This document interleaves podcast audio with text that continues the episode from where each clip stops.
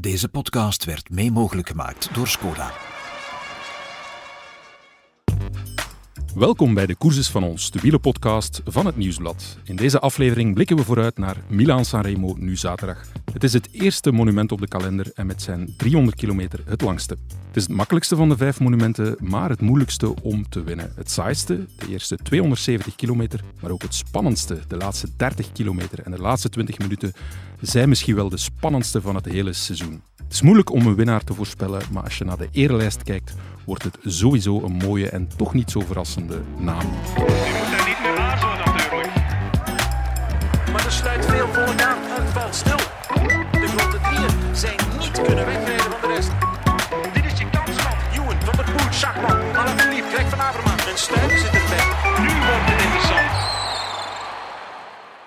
We gaan Milaan-San Remo 2023 binnenste buiten keren met Wim Vos, chef wielrennen. Dag Wim. Dag Michael. En met Jan-Pieter Vlieger, alias JP. Dag, Dag JP. Michael. Ja. We gaan eens luisteren hoe het eh, vorig jaar eh, eraan toe ging. En meer bepaald de afdaling, want vorig jaar is die gewonnen in de afdaling van de Poggio door Matej 007 Mohoric. We kept it a secret even from my teammates. They were making fun of it a little bit, but they were also they knew I'm crazy in the descent, so they were like, uh, yeah, do whatever you want. Oh! Once again, I mean, there's a millimetre left on the road there for Matej Moric, and he used every single one of them. It's probably physically not possible to go as fast without it. We know how well this man could descend and he's going for it. Oh! Oh! Whoa! Oh, he just took his eye off the stays, ball. stays up. That was horrifying. But Matej Moric is a terrifying descender, and he's one of the very best. And once again, that racing line is almost absurd from Matej Moric. With less than 100 metres to go, he checks, he puts his arms aloft, and he celebrates. Matej Moric, the unexpected Slovenian, tastes victory. Moric has done it. That was a ride of massive panache. Voilà, Matej Mohoric. En eh, ja, toen leren we het woord de dropper post kennen. Hè. Dat is eh, het, het, ja, de zadelpen die eh, hoger en lager kan, GP. Ja, je hebt hem gesproken vorige week. Ja, ik had hem geïnterviewd via, via Zoom. Onder andere over de, de dropper post, Ja. uiteraard. Eh, vorig jaar was het inderdaad een, een, een heel groot item dat hij daarmee gewonnen had. Hij had voorspeld dat eh, het wielrennen zou veranderen. En dat we overal dropper post zouden, zouden zien in alle mogelijke koersen. Dat is niet helemaal gebeurd. En hij wilde zelfs niet bevestigen dat hij er dit jaar opnieuw mee zou rijden. Maar ho- hoogstwaarschijnlijk wel, want in Strade Bianchi heeft hij het al eh, gebruikt. Ja. Maar dan, ja, in Strade Bianca is hij mee gestart, maar dan moest hij zijn reservefiets Klopt. nemen en dan toch weer niet. Ja. Dus enfin, het, is nu, het is ook niet zo'n gamechanger geworden. Nee, Ja. maar het is een, eh, echt een toffe, een toffe gast, Mohoric. Een, eh, Ja, iemand- een leuk iemand om te, te interviewen.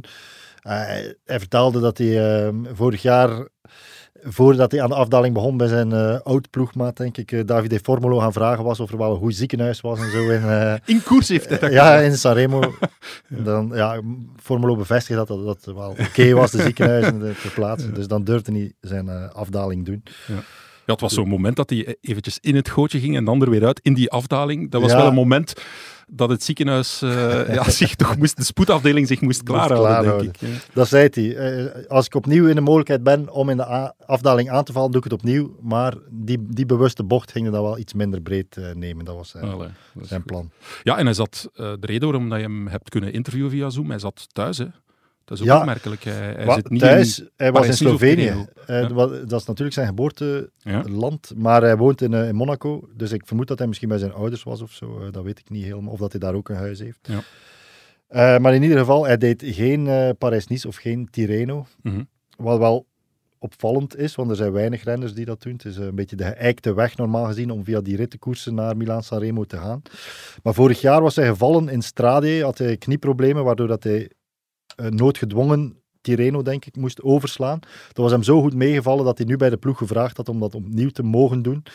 Daar is tamelijk wat discussie aan eh, bij te pas gekomen, heb ik begrepen. De ploeg wilde hem als, als kopman, want ze lopen niet over in de kopmannen. eh Mhm. Bahrein wilde toch graag hem uitspelen. Maar hij had zijn, eh, zijn slag thuis gehaald en hij hoefde niet te rijden. Ja, Ja, er zijn nog een aantal renners die, die niet via Tirreno en Parijs-Nice naar Milaan-Sanremo gaan. Het is een beetje moderne wielrennen hè, om op stage te gaan. Onder andere Jasper Stuyven, winnaar in 2021, en Caleb Ewan. Ja, die, eh, Jasper Stuyven sprak ik eh, maandag, Mhm. gisteren. Eh, die zat in Denia. Die ging rechtstreeks vanuit Spanje naar Milaan-Sanremo vliegen. Caleb Ewan, denk ik, zit gewoon in Monaco, Ja, hem ja, thuis. Ja. het is inderdaad een beetje een, ehm, ja, een trend, zal ik het niet noemen, maar je ziet het wel vaker en vaker. Ja. Terwijl ik weet dat, het is natuurlijk heel lang geleden, in 1991, Claudio Chiappucci won toen Milaan-Sanremo. Fantastische naam. En ehm, ja, dat was toen een heel verhaal, omdat hij wellicht de eerste renner in, in, sinds mensenheugenis was die niet uit Tirreno of uit Parijs-Nice kwam en toch Milaan-Sanremo won. En hij had dan nog wel gekoerst, want hij kwam uit de ronde van Murcia, had Ja. nadien ook nog de Catalaanse week gereden. Een koers, een wedstrijd die nu verdwenen is, denk ik. Ehm, maar ja, dat was toen heel spectaculair, dat iemand die niet uit Tirreno of Parijs-Nice kwam. Vloeken in de kerk. Hè. Roger de Vlaming eh, zal het niet goedgekeurd hebben. in de kerk. Ik niet was- mening toen gevraagd is over de voorbereiding van Chiappucci, maar Nu was Chiappucci ook wel een, eh, ja, een beetje bijzondere renner, denk ik. Ja. GP, je hebt hem eh, ooit gesproken. Hè? Ja, dat klopt. Eh, we hebben zo'n eh, een serie gehad hier in de krant, De Klapstoel, waar dan iconen uit het wielrennen moesten op plaatsnemen.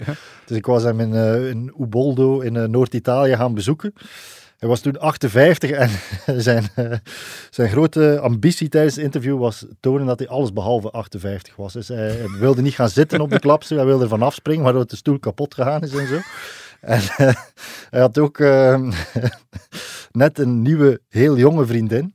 En eh, ik, ik, vroeg ik informeerde daar eigenlijk verder niet achter, maar hij drong aan om mij, om mij een foto te tonen. En hij zei, ja, misschien moet je die foto toch ook maar publiceren in, eh, in het artikel, want dat past eigenlijk bij mijn verhaal. Dat toont wie ik ben. Ik heb rust gevonden bij mijn nieuwe vriendin, dus dat was een belangrijk element dat hij per se eh, ook in de krant wilde. En ja, ik denk dat we het effectief ook eh, gepubliceerd hebben. Ook nu zie je hem nog op heel veel wedstrijden in Italië opduiken en hij slaat geen selfie over. Nee, maar dat, dat was zijn, eh, zijn bestaansreden nog altijd. Hij ging van eh Gran Fondo naar Gran Fondo, Ja. werd overal uitgenodigd. En ja, Ja. de eeuwige jeugd had hij. Geen eh, typische Vlaming meer, een typische Italiaan. Hè. Wij Vla Vlamingen zullen onze jongere vriendin misschien een beetje op het achterplan houden. Beetje, maar hij, de Italiaanse macho, schuift ze vooruit. Schitterend verhaal. Ja, Wim, ik zei mijn inleiding alleen maar grote namen, of bijna alleen maar grote namen op die erelijst van Milan Sanremo. Maar jij hebt toch met een, eh, een renner gesproken die ooit Milan Sanremo gewonnen heeft en niet de meest bekende naam. Hè? Nee, Marc Gomez. 19 Marc Gomez. Ja, 1982. Ja. Ik ben een beetje specialist oude koeien op de, Ja, op de krant. En eh, ja, dat is inderdaad een bijzonder verhaal. Omdat hij eh Milan Sanremo heeft gewonnen uit de vroege vlucht. Uit de vroege vlucht. Ja, de man was die dag 298 kilometer in de aanval, vertelde hij mij. 298 Ja, kilometer. ja. En eh, vooral, hij had nog nooit een klassieker gereden op dat moment. Het was een neoprof, 27 jaar al. Want als je foto's van toen ziet, ehm, het was een computer-nerd, letterlijk. Hij had ja, informatica gestudeerd. De computer bestond toen al. Ja. Ja, ja, maar die dat heeft hij mij ook verteld, eh, zijn computers waren zo groot als een heel appartement, vertelde hij oké. mij ehm, toen nog. En, eh, maar hij vond, het waren begin jaren tachtig en hij vond geen werk in die branche. En hij was een, best een goede amateurwielrenner. En hij had een paar keer al contact gehad met profploegen, altijd afgeslagen, omdat hij liever met informatica bezig was. Maar omdat hij geen werk vond, dan toch maar op een aanbieding ingegaan. Mocht meteen Milaan Sanremo rijden. En ehm, ja, wat ik eigenlijk daarnet wilde zeggen is, hij zag er ook echt als een computernerd uit. Een beetje Brilletje, iets te lange haren, een zware zwarte montuur van bril. Ehm, ja, zijn iets wat te breed uitstaande oren, laat ons zeggen. Eh, zag een beetje ja, wat, wat, wat, wat bizar uit. En ehm, ja, hij had aan zijn ploegmaat, aan enkele mensen voor, de avond voor de wedstrijd gevraagd, wat moet ik doen hier in Milaan Sanremo om hier niet hele dag anoniem door beeld te rijden of niet in beeld te rijden. En ze hadden hem aangeraden van, ja, probeer mee te gaan met de vroege vlucht. En eh, met wat chance haal je de tv-uitzending en heb je dat toch gehad. Maar het was die dag bijzonder koud. En ehm, terwijl hij in de vroege vlucht zat, dunde het peloton al maar uit. En in de beslissende fase had de kopman eigenlijk geen knechten meer over, moest het zelf doen en ze kwamen te laat. En hij won, ja, tot ieders verrassing, Milaan Sanremo. Als eerste Spanjaard. Dat, dat werd dan de speaker aan de streep, zei ja, Marco Mes, eh, in het Italiaans wellicht dan, maar Marco Mes, eerste Spaanse winnaar op de ranglijst. Terwijl eh, hij gewoon uit Rennes kwam, geboren en getogen in Frankrijk. Zijn voorouders kwamen wel uit Spanje, maar zo onbekend was hij dus, Ja. zowel voor het publiek als voor heel het peloton. Bijzondere man. Ja. Wij vinden het fantastisch verhaal, maar ik neem aan de organisator van Milan Sanremo die... eh, Nee, want dat liever, vertelde hij ook, 20 kilometer voor de streep.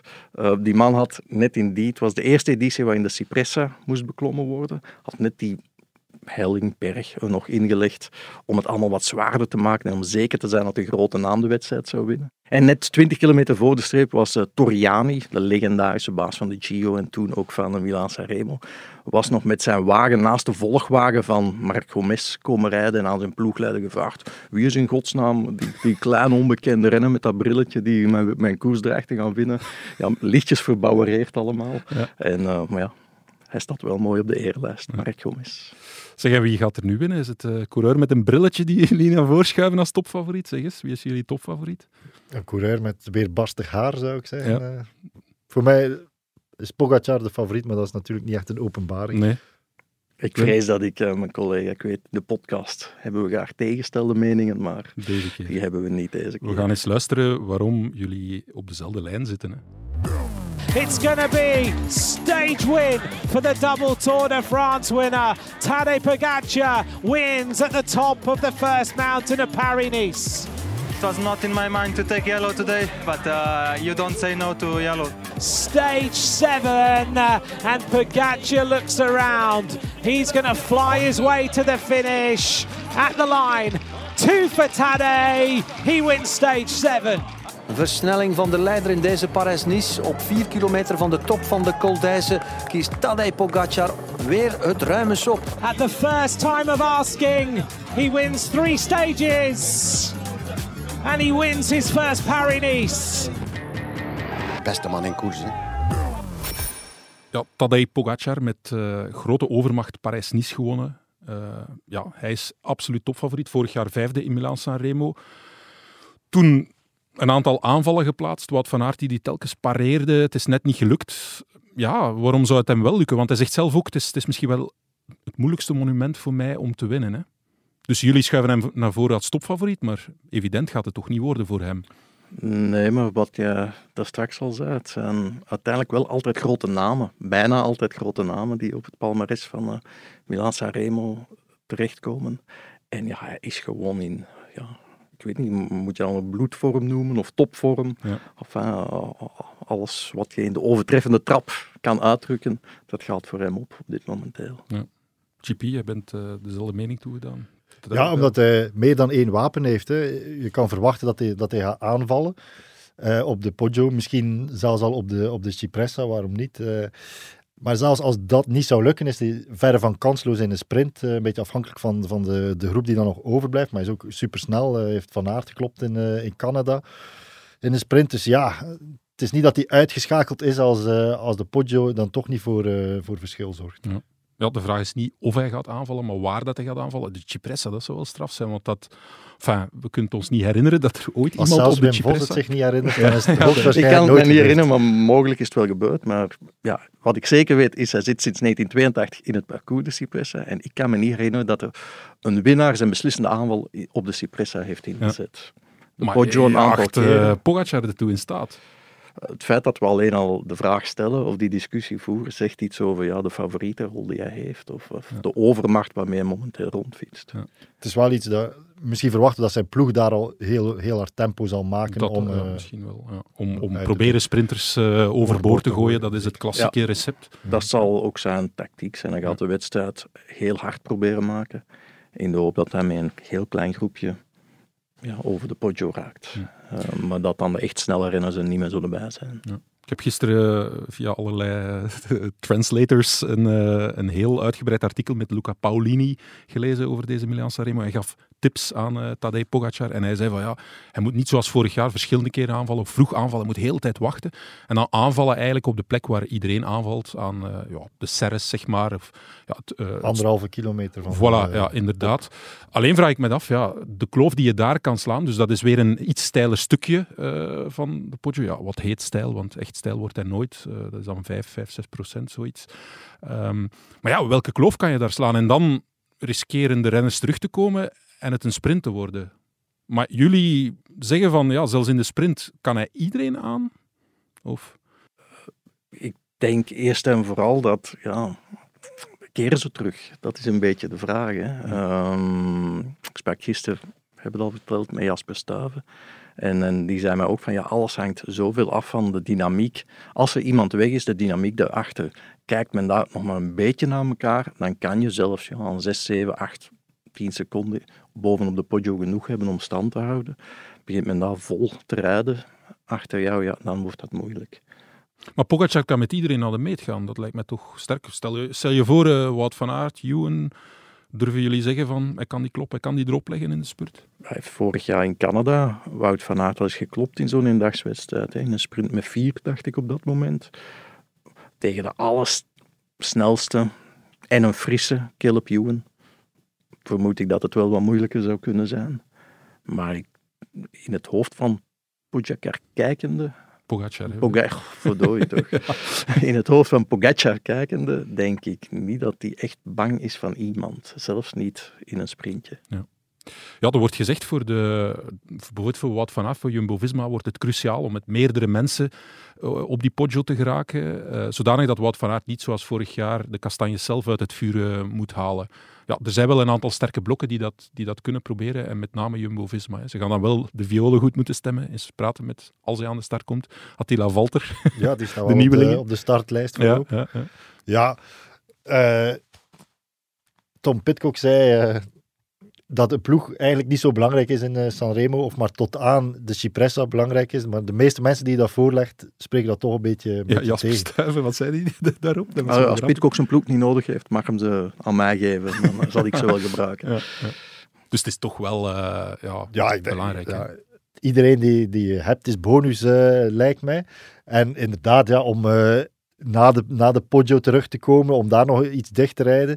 Zelfs in de sprint, als je daar nog een lead-out kan hebben. Ik denk dat Ewan, uh, mocht hij nog Tim Wellens gehad hebben het jaar dat hij tweede werd, dat dat misschien een eerste plaats is. Uh, dus sowieso liever met twee dan alleen, denk ik. Ja, voilà. Er zijn er een aantal koppeltjes hè, en sprinters daarbij.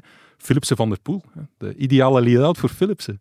Gaat Van der Poel zich uh, wegcijferen voor Philipsen? Dat is een goede vraag.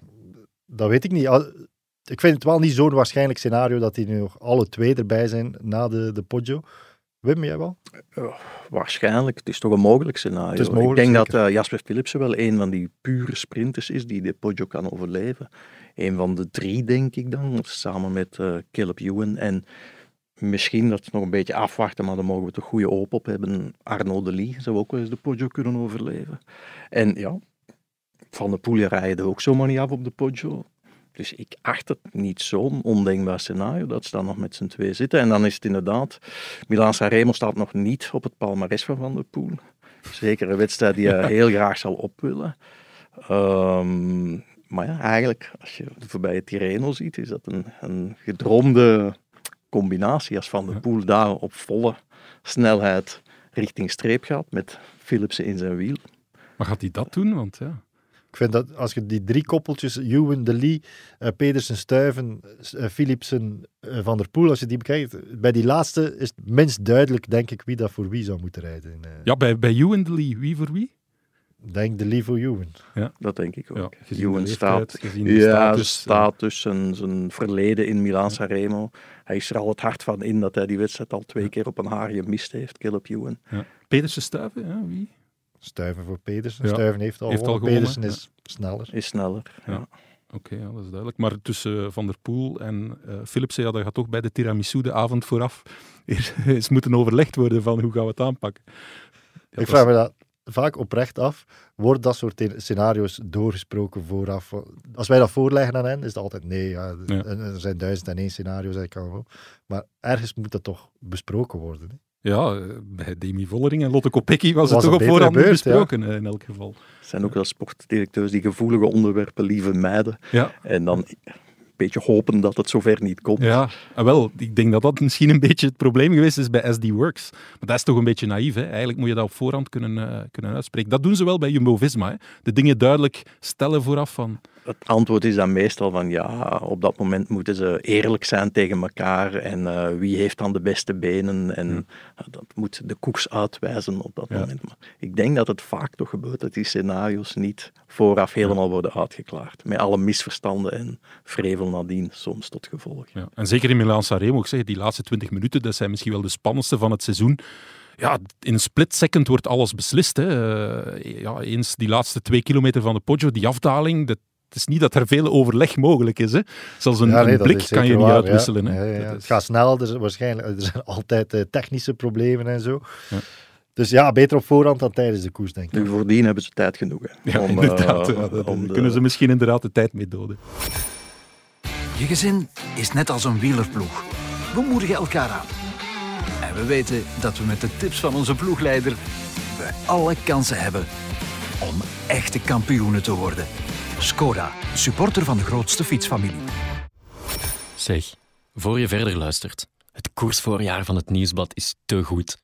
Er is deze podcast, maar er zijn ook voorbeschouwingen, scherpe analyses en reportages. Lees nu het Nieuwsblad. Acht weken voor 8 euro. Ga snel naar nieuwsblad.be slash actie. Ja, het is eigenlijk een, een typische sprinterskoers qua parcours, maar het is wel al even geleden dat we een sprinter gehad hebben die gewonnen heeft. Hè? Hoe komt dat? Ja, goede vraag, Michael. Ja. Het is inderdaad opvallend. Um, ik denk zo de jaren 1995, 2010 was denk ik 90 procent. Je had wel eens Potzato heeft eens een keertje gewonnen, niet in de sprint. Maar voor de rest was dat elk jaar een, Zabel, een, een massa. altijd. Ja. ja, Cipollini heeft een keer gewonnen, Cavendish heeft een keer gewonnen. Het waren allemaal sprints. En uh, nu is het van 2016 geleden met Demar dat we nog zo'n scenario gezien hebben. Dat is ondertussen zeven jaar.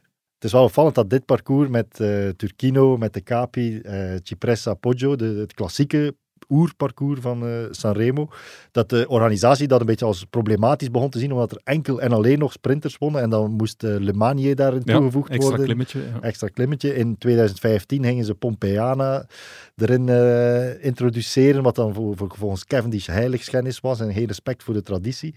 En nu, op datzelfde parcours, waar er te vaak sprinters wonnen, winnen er nooit geen sprinters meer. Dus het is een beetje vreemd. En dan? Ja. Wat, wat zegt het cliché, Wim? de renners maken de, de, de renners maken de koers, uh, Michael. Ja, maar ik denk wel dat het zo is dat eenmaal dat in het hoofd van een renner zit van ja, het wordt hier toch een massasprint, dat men er ook een beetje naar gaat koersen. Hmm. En dat beeld is wat veranderd de voorbije jaren. Ook omdat je een aantal echt sterke puntjes hebt gekregen. Ja, we moeten ze niet allemaal opnoemen. Van Alaphilippe, Van Aert van der Poel, voordien ook al Sagan. Um, en ja, dat de, de dynamiek van die wedstrijd veranderd is. Ja. Dat vroeger namen de sprintersploegen die wedstrijd ook resoluut in handen. Nu zie je dat de sterkste blokken zich net rond die puntjes um, situeren.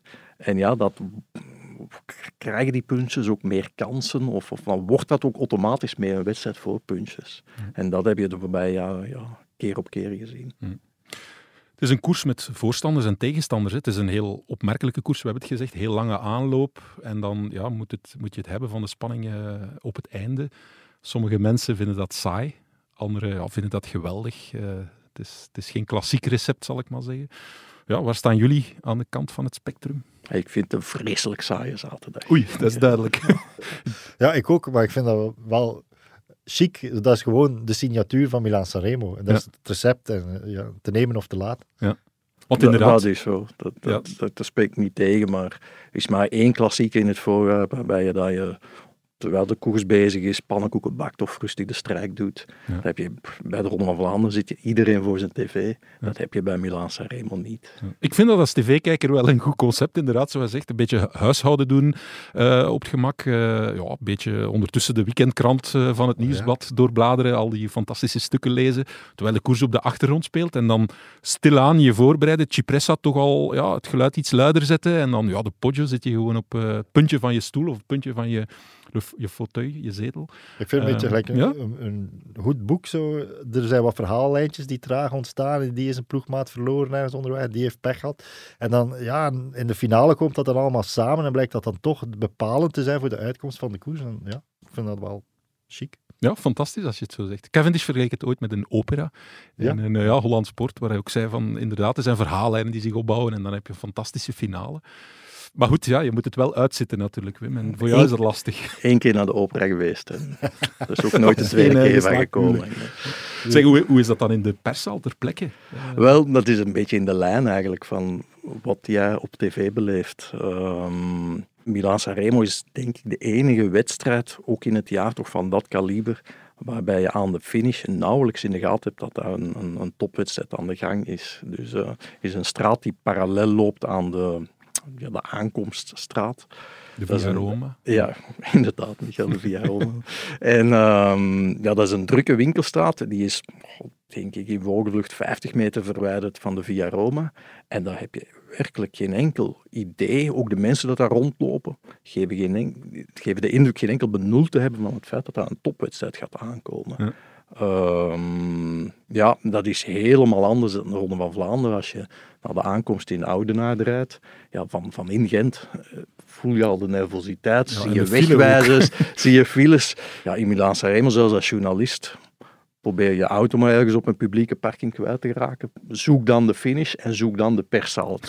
het, is allemaal, het straalt geen enkele grote ja, wielercultuur uit. Of geen, totaal niet het gevoel van dit is hier nu een hoogdag voor het wielrennen dat hier bezig is. De krant heeft mij ooit eh, uitgestuurd om een reportage te maken over de, de magie van de Via Roma. Ah. Dat was echt eh, ja, verschrikkelijk, want niemand kon daar iets over vertellen. En dat- Er was geen Er magie. is geen magie. Nee, er is nee. geen magie. Eh, dan had ik eh, Michele Acquarone gesproken, die toen nog voor RCS eh, werkte. En die is afkomstig uit Sanremo. En die vertelde dat die parallelstraat, de Corso Matteotti is, dat is de hippe straat. Daar wil je gezien worden. Daar, hij zei, Daar wil Chiappucci met zijn vriendin gezien exact worden. dat zei hij. Van, ja, daar, alle mooie meisjes gingen naar de Corso Matteotti. En de, de Via Roma, ja, dat was eh, de- het eerste Chinees restaurant en eh, ook nog zo'n eh, soort dubieuze videotheek blijkbaar. Maar dat was echt iets, ja, daar, daar kom, kwam je liever niet als het, eh, als het donker was. Ja. Ja, over die fontein, waar Ja. in, het is van een droefenis, het is niet te beschrijven. hè, Michael. Oei, oei. Ja. Mijn beeld eh, elk dorp, in Vlaanderen, gestaan. elk dorp in Vlaanderen heeft een, een, een mooier of een indrukwekkende fontein ergens staan. Ja, oké.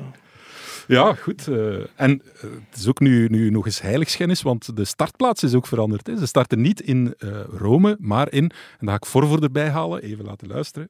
Abbiate grasso. Ja, daar dus. Mohoric vond ik wel grappig in jouw interview, eh GP. En nu komt ook alles weer samen.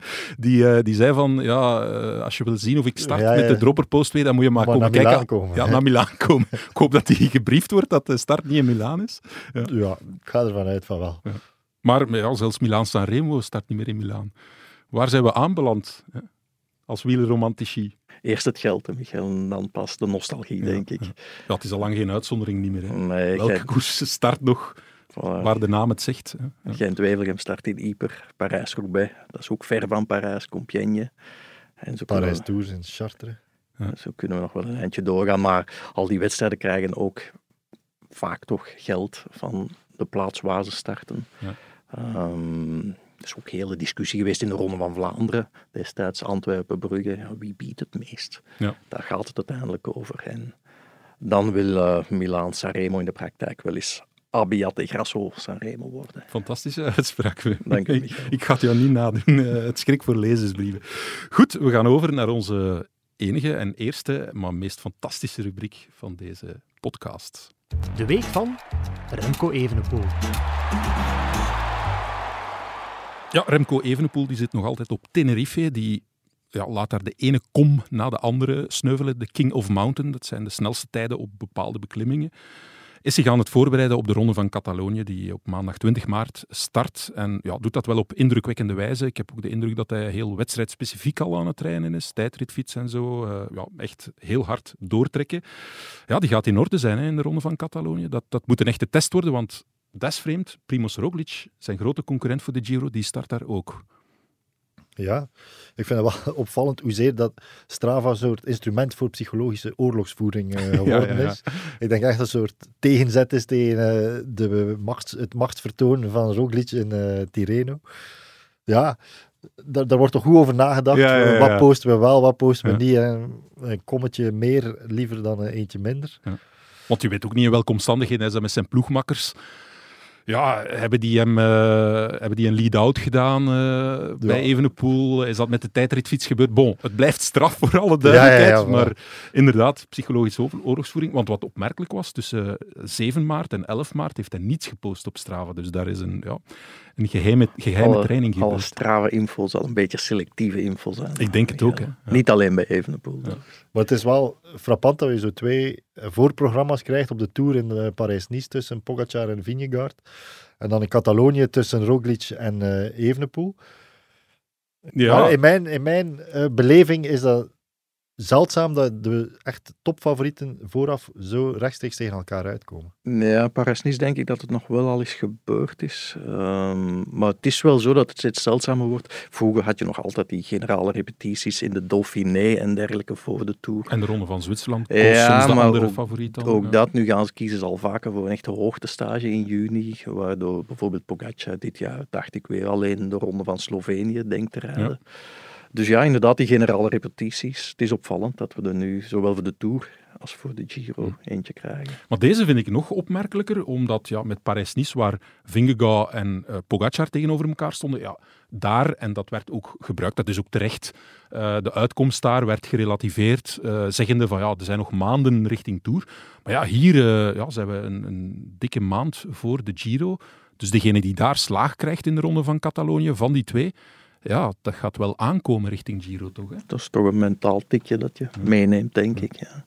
Als ze natuurlijk alle twee starten. Enfin, bij Evenepoel geloof ik het nu wel nog, maar uh, Jumbo-Visma heeft ons al vaker op het verkeerde been gezet, gezet dit seizoen met uh, programma's. Hè. Dus wie weet komt er nog een, een vreemd konijn uit de mouw. Ja, Remco Evenepoel die zal er boven op zijn berg op de tijden als er internet is. Naar het schijnt is er nu wel gebrekkig internet. Met uh, heel veel belangstelling naar de voorstelling van het slotweekend van de Tour 2024. Dus niet dit jaar, maar volgend jaar gekeken hebben. Want ja, dat was bijna een soort van invitatie richting Evenepoel, Wim? Ik denk wel dat we het zo mogen bekijken, ja. ja. Dus wat, wat uh, staat er op het programma dat slotweekend? Ja, je hebt uh, op zaterdag een zeer zware bergrit nog. Um, vraag me nu niet naar het precieze aantal hoogtemeters. 4400, Wim. Voilà, toch een flinke klus nog. En dan op zondag krijgen we op de slotdag, wat echt exceptioneel is, een, uh, een tijdrit, een klimtijdrit van meer dan 30 kilometer zelfs, dacht ik. Ja ja, dat is op het lijf geschreven van uh, de betere tijdrijders. En dat is Evenepoel natuurlijk. Ja. Zo'n tijdrit bergop, dat is echt uh, spek naar zijn bek. Ja, dat denk ik wel. Ab absoluut. Eh, het enige dat je misschien kan zeggen is dat het is, het is 34 kilometer of zo, de mm -hmm. tijdrit. Dat doet misschien vermoeden dat er geen andere tijdritten zijn. Ja, dat is nog de wat, vraag. Wat dat dan in het, nou, niet voor Evenepoel pleit, maar moest je hem nu het... Uh, slotweekend zelf laten uittekenen, het zou toch in de buurt komen. Het is wel duidelijk dat ze echt naar de gunsten van ja. Evenepoel aan het hengelen zijn. Wat best opvallend is, want we spraken vorige week over kiezen renners nu voor de Tirreno of Parijs-Nice. En is dat dan RCS, de organisator van de Tirreno, of ASO, de organisator van de Tour. En de Parijs-Nice die de bovenhand haalt. Um, en ik hoor dan vertellen van RCS, die willen nog wel eens lobbyen bij ploegen. Maar ASO voelt zich daar meestal te groot voor. Uh, dus die informeren meestal zelfs niet bij ploegen met welke renners uh, komen jullie. Als je dan kijkt dat ze nu anderhalf jaar voor die tour ja. toch echt al duidelijk, ook letterlijk, ze hebben tegen onze collega Hugo Korwits gezegd. Ja, ja, uh, de het was echt een openlijke sollicitatie, het was zelfs geen gelobby. Ja, dat zegt iets over de status van Evenepoel. en zeker hoe, de Giro doet het ook, hè, dit jaar al. Drie tijdritten. En hoe graag dat ze hem allemaal aan de start krijgen. Maar is er een scenario denkbaar waar hij de Tour 2024 niet zou rijden? Ik bedoel, welk excuus is er? Hij heeft de Vuelta gewonnen, hij zal dan twee keer de Giro gereden hebben. Ja, je kan het blijven uitstellen, het uh, orgasme, maar op een bepaald moment moet je toch... Ja, ja, maar ik denk dat de Tour... Rijden, op... zal ik maar zeggen. ik denk dat de Tour toch op zeker wil spelen. Ja? ja. Blijkbaar. Enfin, ik noteer al, Remco Evenepoel rijdt de Tour 2024. Voilà, goed. En met dat fijne vooruitzicht, maar vooral het fijne vooruitzicht van zaterdag Milaan-San Remo, nemen wij afscheid bij, van deze koers is van ons.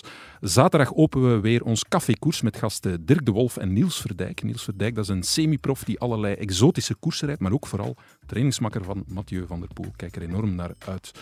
Tijdens de koers kan je ons volgen in de app van het Nieuwsblad en maandagochtend vroeg zijn we er met onze Cafékoers podcast. Vergeet niet mee te doen aan onze podiumpromo voor Milaan Sanremo, ook in de app van het Nieuwsblad. Tot later. Niet meer natuurlijk. Maar er sluit veel voordaan en het valt stil. De grote dieren zijn niet kunnen wegrijden.